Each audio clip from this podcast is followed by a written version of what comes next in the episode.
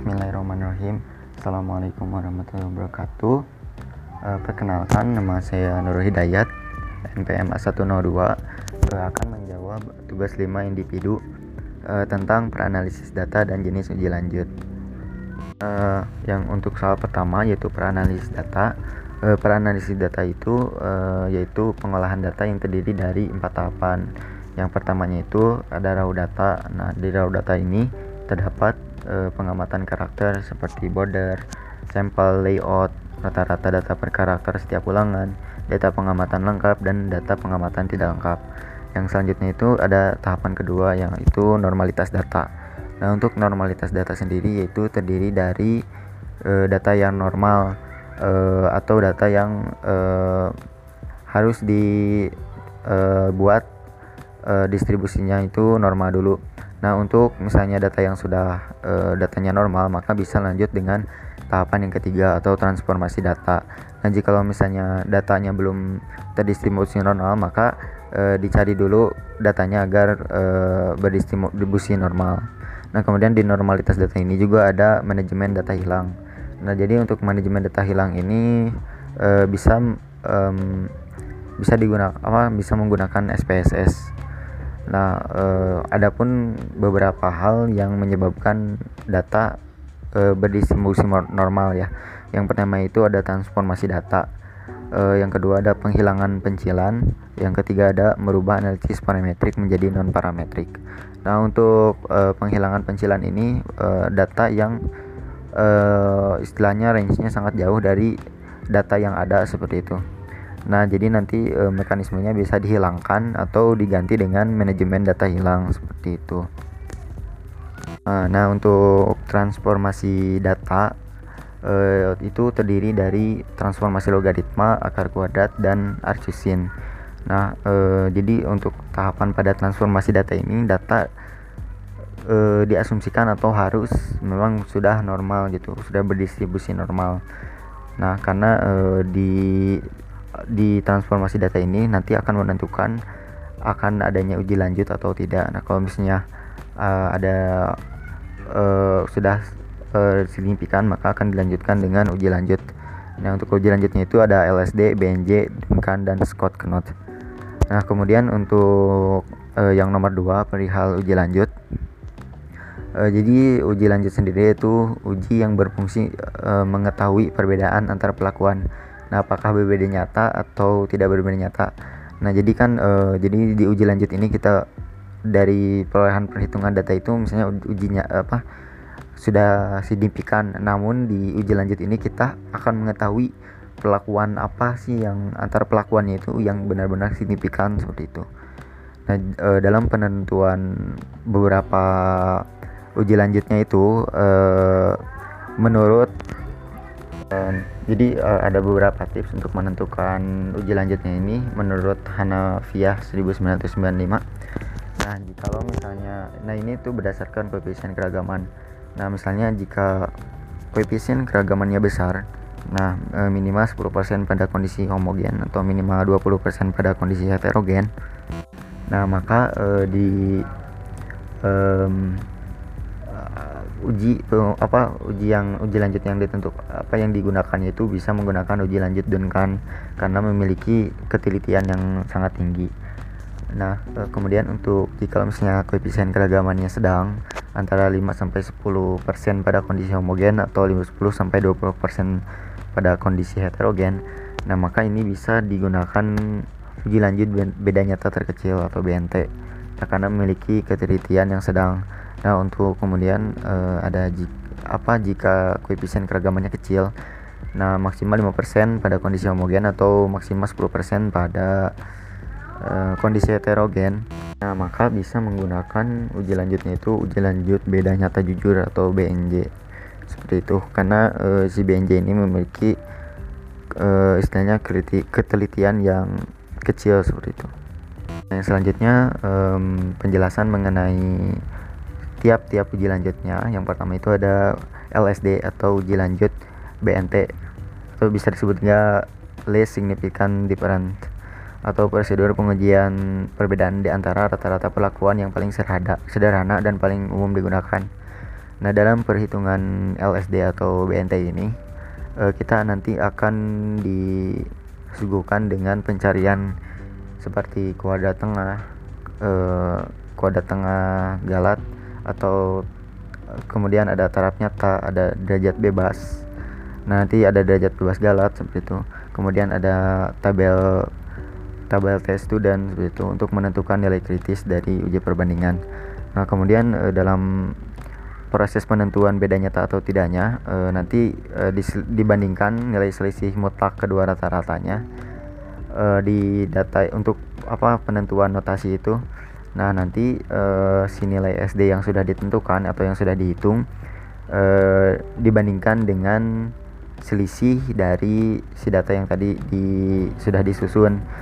Nah nanti untuk penentuan notasinya jadi untuk misalnya LSD-nya lebih besar dari si antar pelak, apa selisih antar pelakuan itu maka si dat, si antar pelakuan itu dianggap signifikan. Sedangkan e, jika lebih kecil berarti itu tidak tidak signifikan kemudian untuk pembuatan notasinya itu nanti um, bisa menggunakan uh, di Excel ataupun apa pun itu uh, nanti si notasinya itu misalnya signifikan maka ada uh, garis satu misalnya kayak itu dan seterusnya seperti yang telah bapak jelaskan waktu itu.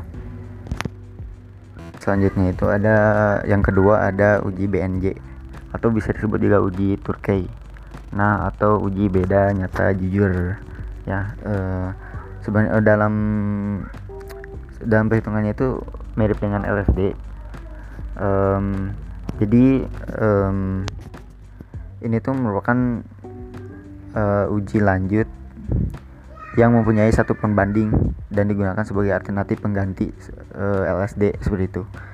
Nah, apabila kita ingin menguji seluruh pasangan rata-rata perlakuan tanpa rencana. Nah, untuk perhitungannya sendiri uh, jadi uh, nanti dicari dulu nilai dari BNJ-nya itu nilai BNJ-nya atau nilai HSD ya kalau misalnya di uji Turki itu nilai HSD kalau misalnya di LSD itu e, nilainya nilai SD nah e, sama saja dengan LSD hanya ada perbedaan rumus. Jadi kalau misalnya di BNJ ini e, nanti ada omega sama dengan e, nilai kritis atau Q alpha dalam kurung P e, koma pi kemudian akar KTG per R. Nah untuk e, si nilai kritis ini e, nanti itu dicarinya itu di wilayah nyata student. Jadi uh, nanti misalnya di taraf uh, misalnya kan alpha itu taraf nyata. Nah nanti misalnya taraf nyatanya itu 0,05 nah maka nanti kita cari di tabel yang 0,05 uh, eh, di tabel studentnya itu 0,05 kemudian uh, misalnya P, P itu perlakuan. Perlakuannya misalnya ada uh, 5 kemudian si derajat bebasnya misalnya ada 24 nah maka nanti di tabelnya itu kita cari hasil dari uh, perpotongan garis yang menunjukkan uh, banyak perlakuan 5 dan derajat bebas uh, eh, 24 misalnya. Nah, nanti akan ketemu uh, titik di mana nilai kritisnya itu yang dimasukkan ke dalam rumus. Kemudian untuk KTG-nya sendiri yaitu kuadrat tengah galat. Untuk R-nya sendiri yaitu jumlah perlakuan. Eh atau eh R-nya sendiri adalah banyak ulangan seperti itu selanjutnya um, seperti halnya sudah saya, uh, saya sebutkan tadi uh, jadi setelah nilai HSD-nya ditemukan nanti dibandingkan dengan rata-rata yang nilai rata-rata yang sudah diurutkan nanti dibandingkan dengan uh, nilai rata-rata yang sudah diurutkan kemudian dihitung selisihnya nanti dibandingkan dengan nilai HSD-nya sama saja dengan LSD kayak gitu. Nah kemudian uh, setelah dibandingkan um, nanti kalau misalnya nilainya nilai dari si uh, selisih dua rata-ratanya itu lebih besar dari si nilai HSD-nya maka si antar pelakuannya itu dianggap signifikan sedangkan kalau misalnya lebih kecil uh, nanti dianggap tidak signifikan seperti itu. Nah kemudian uh, nanti um, pembuatan notasinya sama saja dengan LSD seperti itu. Nah yang selanjutnya itu ada yang nomor tiga ada uji Duncan atau uji DMRT Nah, untuk ujinya itu um, uji yang didasarkan pada sekumpulan nilai beda nyata yang ukurannya semakin besar. Nah, tergantung uh, pada jarak uh, di antara pangkat-pangkat dari dua nilai tengah yang dibandingkan. Nanti jaraknya itu uh, dimulainya itu dari 2, 3 dan seterusnya tergantung jumlah pelakuannya seperti itu. nah, kemudian untuk uji Duncan ini dapat digunakan untuk menguji perbedaan antara semua pasangan pelakuan yang mungkin tanpa memperhatikan jumlah pelakuan. Nah, kemudian untuk cara menghitung dari si uji Duncan ini, um, sebelumnya kita cari dulu uh, nilai dari si uji Duncannya ini. Nah, uh, nanti dicari dulu nilai apa atau nilai MSD disebutnya kalau di Duncan ini MSD. Nah, uh, jadi untuk rumusnya sendiri yaitu ada R uh, P sama dengan R kritis akar KTG per R Nah untuk eh, KTG tadi kode tengah galat R-nya ulangan. Kemudian untuk mencari R kritisnya itu um, ini nanti dicarinya itu di tabel wilayah nyata Duncan. Nah nanti untuk perhitungannya sendiri uh, ini sedikit berbeda dengan uh, eh, LSD dan uh, HSD. Jadi untuk perhitungan di tabel wilayah nyata Duncan ini nanti terdapat uh, nilai nilai R kritisnya itu lebih dari satu seperti itu jadi misalnya uh, si perlakuannya atau si jaraknya itu dua nah maka nanti um, kita cari perpotongan antara uh, si nomor dua apa si angka dua itu dengan uh, si perlakuan apa si derajat um, si derajat bebas galat nah uh, dan seterusnya. Jadi nanti terdapat uh, nilai kritis lebih dari satu yang menimbulkan nanti juga si MSD-nya juga lebih dari satu tergantung dari jumlah pelakuan yang ada seperti itu. Nah nanti setelah MSD-nya sudah ditemukan atau sudah dihitung semua maka kan nanti kita bandingkan uh, dengan selisih rata-rata perlakuan. Nah uh, jadi uh, nanti um, misalnya uh, perlakuan dua maka nanti dibandingkan dengan nilai MSD pada perlakuan dua seperti itu. Nah, e, untuk kesimpulannya nanti e, sama saja dengan pelaku, apa uji lanjut lainnya. Kalau misalnya e, lebih besar dari si nilai MSD-nya, maka nanti itu dianggap signifikan atau berbeda nyata. Nah, kalau misalnya lebih kecil, nanti e, dianggap tidak berbeda nyata atau tidak signifikan. signifikan. Nah, nanti kemudian nanti bisa diperoleh notasi-notasi yang bisa dihitung dengan um, sama dengan cara-cara sebelumnya seperti itu. Kemudian untuk yang terakhir ada atau nomor 4 yaitu ada uji Scott Knott. Nah, jadi uji Scott Knott ini itu uji yang dilakukan jika perlakuannya lebih dari 9. Nah, uji ini bertujuan untuk memudahkan penafsiran terhadap pengujian nilai tengah perlakuan yang banyak. Nah, e, pengujian Scott Knot ini juga dilakukan untuk jumlah pelakuan yang banyak sehingga dibuat cluster-cluster pelakuan seperti itu. Nah, dalam um, tahapan perhitungan uji Scott Knot ini uh, sangat berbeda ya dengan uji uji lanjut sebelumnya. Nah, jadi untuk yang pertama itu um, ditentukan dulu um, kita itu si rataan perlakuannya itu diurutkan dulu dari yang terbesar ke yang terkecil atau yang terkecil ke yang terbesar. Tergantung apa yang kita inginkan. Nah kemudian e, kita cari B0 nya e, jadi untuk pencarian B0 ini nanti untuk mencari dari untuk mencari B0 max yang akan dihitungkan dengan apa yang akan e, nanti dicari untuk perhitungan lambda. Jadi sebelum mencari lambda itu nanti kita mencari dulu B0 max. Nah sebelum mencari B0 max maka kita mencari dulu B0 dari tiap-tiap uh, tiap-tiap perlakuan. Nah misalnya um, kan uh, di rumusnya itu ada uh, T1 kuadrat per K1 ditambah T kuadrat uh, T kuadrat uh, per K2 kurang FK. Nah, untuk T1 dan T2-nya itu jumlah dua grup rata-rata. Kemudian K1 dan K2 itu banyak rataan pada masing-masing grup. Nah, si tahapannya itu misalnya uh, si datanya itu terdapat 6 data yang diurutkan dari yang terkecil ke yang terbesar atau terbesar ke yang terkecil. nah maka si T1 nya itu nilai rata-rata yang misalnya yang terkecil kata besar maka yang T1 nya itu nilai rata yang paling kecil jadi satu baris yang paling kecil.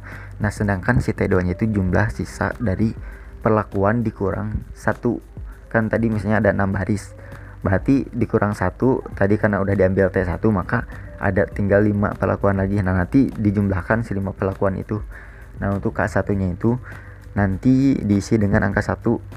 Nah sedangkan untuk K2 nya itu sisa jumlah perlakuan dikurang satu karena tadi udah di sama K1 jadi nanti per 5 seperti itu untuk K2 nya kemudian uh, kita uh, setelah apa setelah tadi B01 maka dilanjutkan dengan B02 dan seterusnya. Nah untuk perhitungan B02 nya itu jadi nanti si T1 nya ada dua baris yang diambil dari paling atas. Nah kemudian untuk T2 nya nanti berarti misalnya tadi perlakuannya ada 6 berarti 6 kurang 2 seperti itu. Dan B03 dan seterusnya juga perhitungannya seperti itu kayak gitu. Nah uh, setelah pelakuannya apa setelah B0 nya kita hitung semua dari semua pelakuan nanti kan kita ditemukan B0 max. Nah nanti si B0 max ini barulah kita bisa menghitung lambdanya. Nah nanti si lambda ini de, dibandingkan dengan c square. Jadi nanti juga kita mencari uh, si c square nya kalau misalnya nanti si lambdanya lebih besar dari c square maka uh, si gugus nilai rata-ratanya itu diuji dianggap tidak seragam. Sedangkan kalau misalnya lambdanya kurang dari c square maka nilai gugus atau nilai rata yang diujinya itu dianggap seragam atau homogen.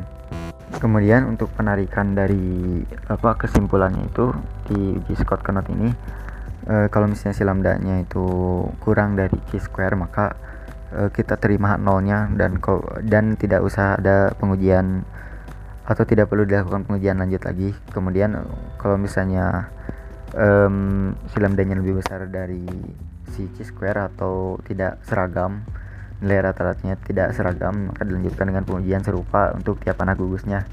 Nah pengujian ini dihentikan apabila antara gugus nilai rata-rata dianggap uh, sudah homogen seperti itu Nah mungkin uh, hanya uh, hanya itu yang dapat saya sampaikan uh, berdasarkan dari PPT dan materi yang sudah Bapak sampaikan. Uh, mohon maaf apabila ada uh, kekurangan. Kekurangannya dari saya dan kelebihannya dari Allah Subhanahu wa taala. Wabillahi taufiq wa. Wassalamualaikum warahmatullahi wabarakatuh.